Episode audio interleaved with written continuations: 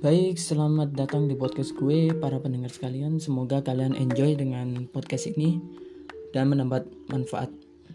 Well, di episode kali ini gue akan buat podcast jurik malam karena gue ada kayak cerita-cerita menarik hari ini. Oke, langsung aja kali ya. Jadi rumah gue itu di pinggir sungai ya. Mungkin sekitar 30 meteran lah dari rumah dan di pinggir sungai itu ada uh, dua batang pohon. Namanya pohon manecu. Kalau kalian nggak tahu mungkin kalian bisa browsing. Oke mungkin gue jelasin dulu kali ya. Jadi pohon manecu itu adalah sejenis buah dari suku sawo-sawoan. Rasanya manis dan nggak bisa dimakan kalau belum matang. Gitu aja. Jadi ceritanya ceritanya ini berawal dari uh, gue tuh punya tetangga di depan rumah. Dan cerita ini sudah banyak beredar sih di desa gue. Hampir semua tahu lah tentang tentang hal ini. Jujur aja gue nggak pernah lihat kejadiannya karena gue saat itu masih kecil. Tapi cerita ini masih kayak abadi lah kalau sebutannya jadi tetangga gue itu punya tiga anak. Anak pertama adalah cewek dan dua anak yang lain adalah laki-laki. Pada waktu itu anak keduanya disunat atau dikitan. Setelah disunat anak yang keduanya yang namanya Doni ini lagi main-main di pinggir sungai belakang rumah gue dan waktu itu sore hari yang sangat tidak masuk akal lagi adalah walaupun Doni habis dikitan ia bisa manjat pohon. Karena dia suka manjat sih sebenarnya. Yang lumayan tinggi dan agak uh, dan nggak ngerasain sakit walaupun hari itu dia udah apa habis dis, disunat ya. Beberapa saat kemudian Hari pun udah mulai malam. Entah kenapa Doni saat itu masih di atas pohon manecu. Dan ternyata dia takut untuk turun dari pohon. Kan aneh ya. Misalnya anak ya lagi bisa manjat tapi nggak bisa turun gitu loh. Aneh bukan aneh gimana. Tetapi katanya Don Doni ketika manjat dia itu kelihatan pohon itu nggak terlalu tinggi amat. Tapi ketika dia turun pohon itu terlihat sangat tinggi. Dan dia akhirnya takut lah untuk turun.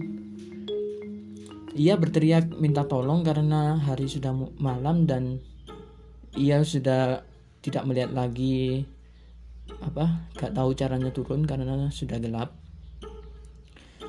Jadi dia minta tolong hampir dua jam dia minta tolong tapi di, tidak ada orang pun yang datang menolongnya. Doni pun menangis di atas pohon pohon itu.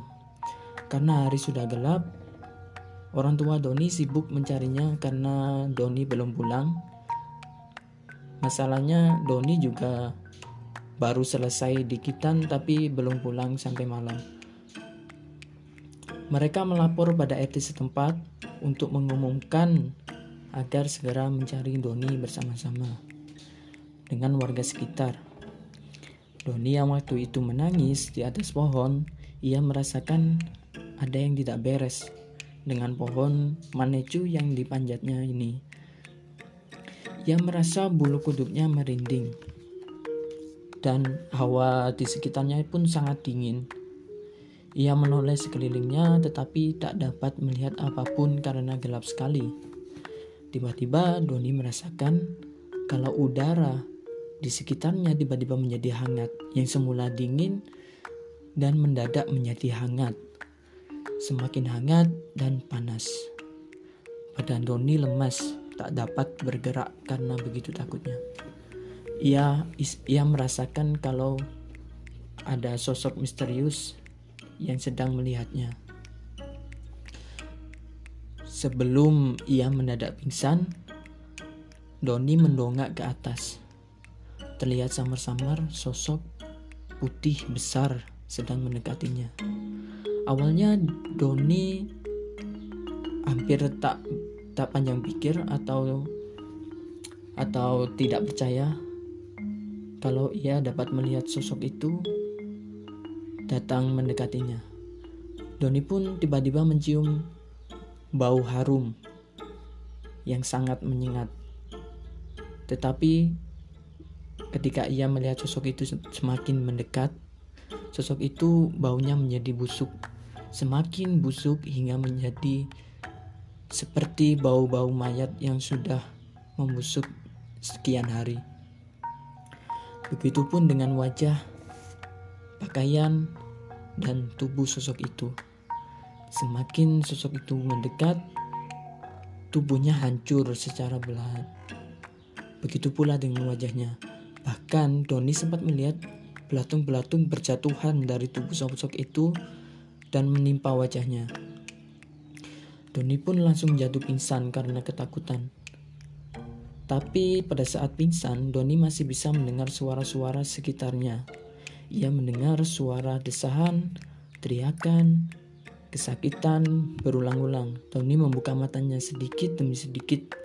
Tanpa sadar, ia seolah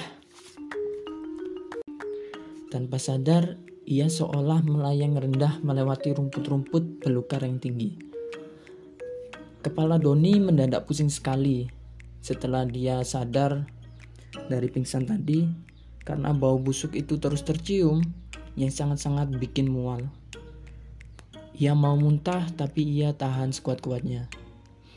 Beberapa saat kemudian, sosok itu berhenti dan melihat sekeliling dengan mata hijau menyala. Kepala yang sudah hancur sambil menggendong Tony, Tony tetap ketakutan. Sudah jelas Tony ketakutan. Beberapa kali dia jatuh pingsan tetapi terbangun lagi.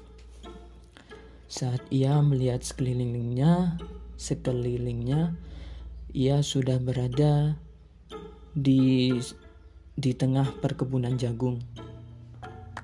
Doni mengetahui ia berada di perkebunan jagung karena dia jelas melihat banyak sekali daun jagung dan batangnya bermunculan atau berada di sekitarnya. Sosok itu mengambil jagung mentah dari dahannya. Dan entah kenapa, sosok itu memaksa Doni untuk memakannya, memakan mentah-mentah. Tetapi anehnya lagi, Doni tak dapat berbuat apa-apa. Ia hanya diam. Ia tak dapat mengendalikan tubuh kecilnya.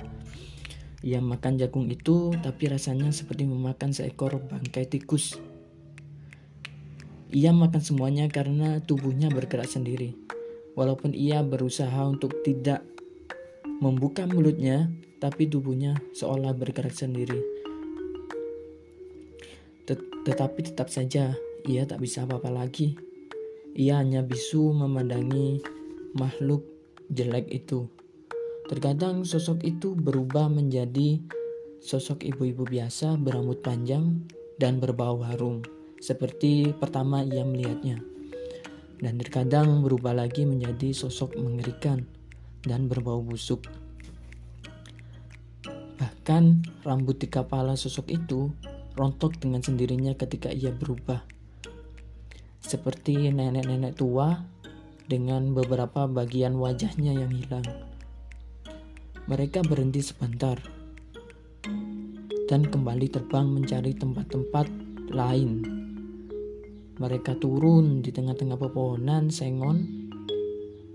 Di tengah pepohonan sengon, sosok misterius itu menggali-gali tanah dengan kukunya yang panjang dan tajam. Dan sosok itu meng mengambil beberapa singkong dan talas.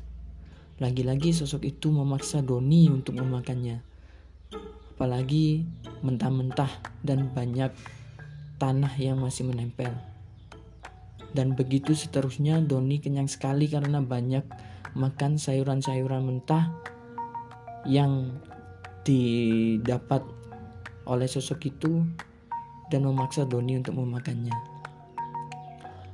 menurut gue sih sosok itu adalah sosok Wewe Gombel ya karena uh, dia suka menculik anak kecil seperti Doni jadi gue mulai dari sini gue gue panggil aja sosok Wewe sosok Wewe itu terus berbicara pelan tapi cepat seperti sedang membaca mantra tetapi Doni nggak mengerti apa yang dibacanya Ternyata Wewe ini suka mengunjungi pohon-pohon beringin yang ada di Tekalan.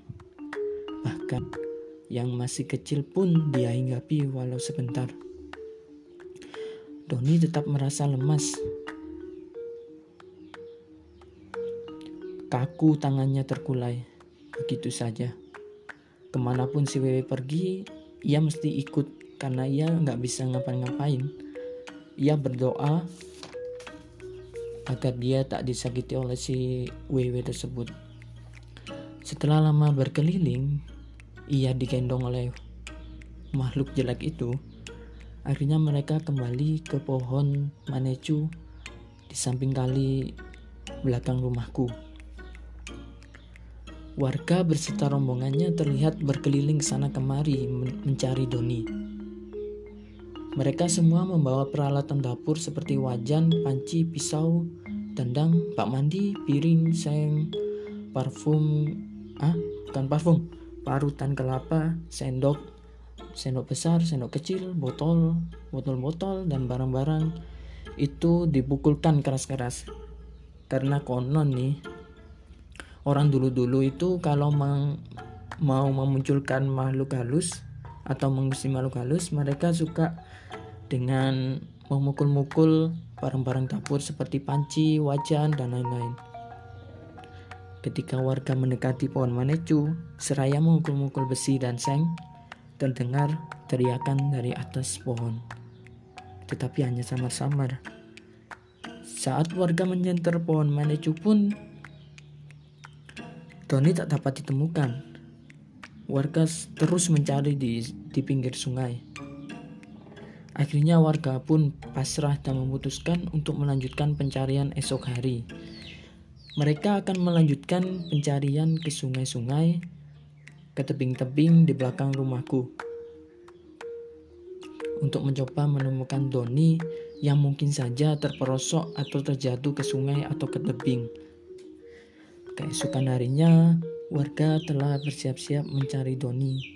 Ternyata Doni yang dicari-cari selama itu berada di bawah kasur rumahnya dan tertidur.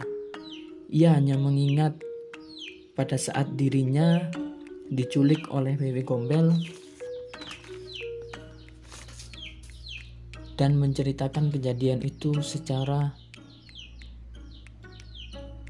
secara turun temurun sampai sekarang. Baik itu tadi adalah cerita dari si Doni yang pernah diculik oleh WB Gombel. Walaupun ceritanya agak agak runyam dan aneh ya, tapi mau gak mau juga gue sih agak percaya ya sama gituan.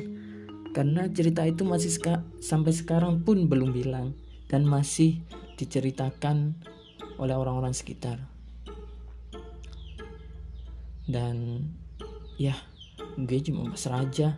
Karena juga apalagi pohon manecu itu juga berada di belakang rumah gue ya. Jadi kita juga hidup berdampingan dengan makhluk halus percaya nggak percaya tapi itu sih ada ya. Karena gue juga sering kali ya kayak diganggu makhluk makhluk halus tersebut. Jadi gue percaya kalau makhluk seperti itu emang ada.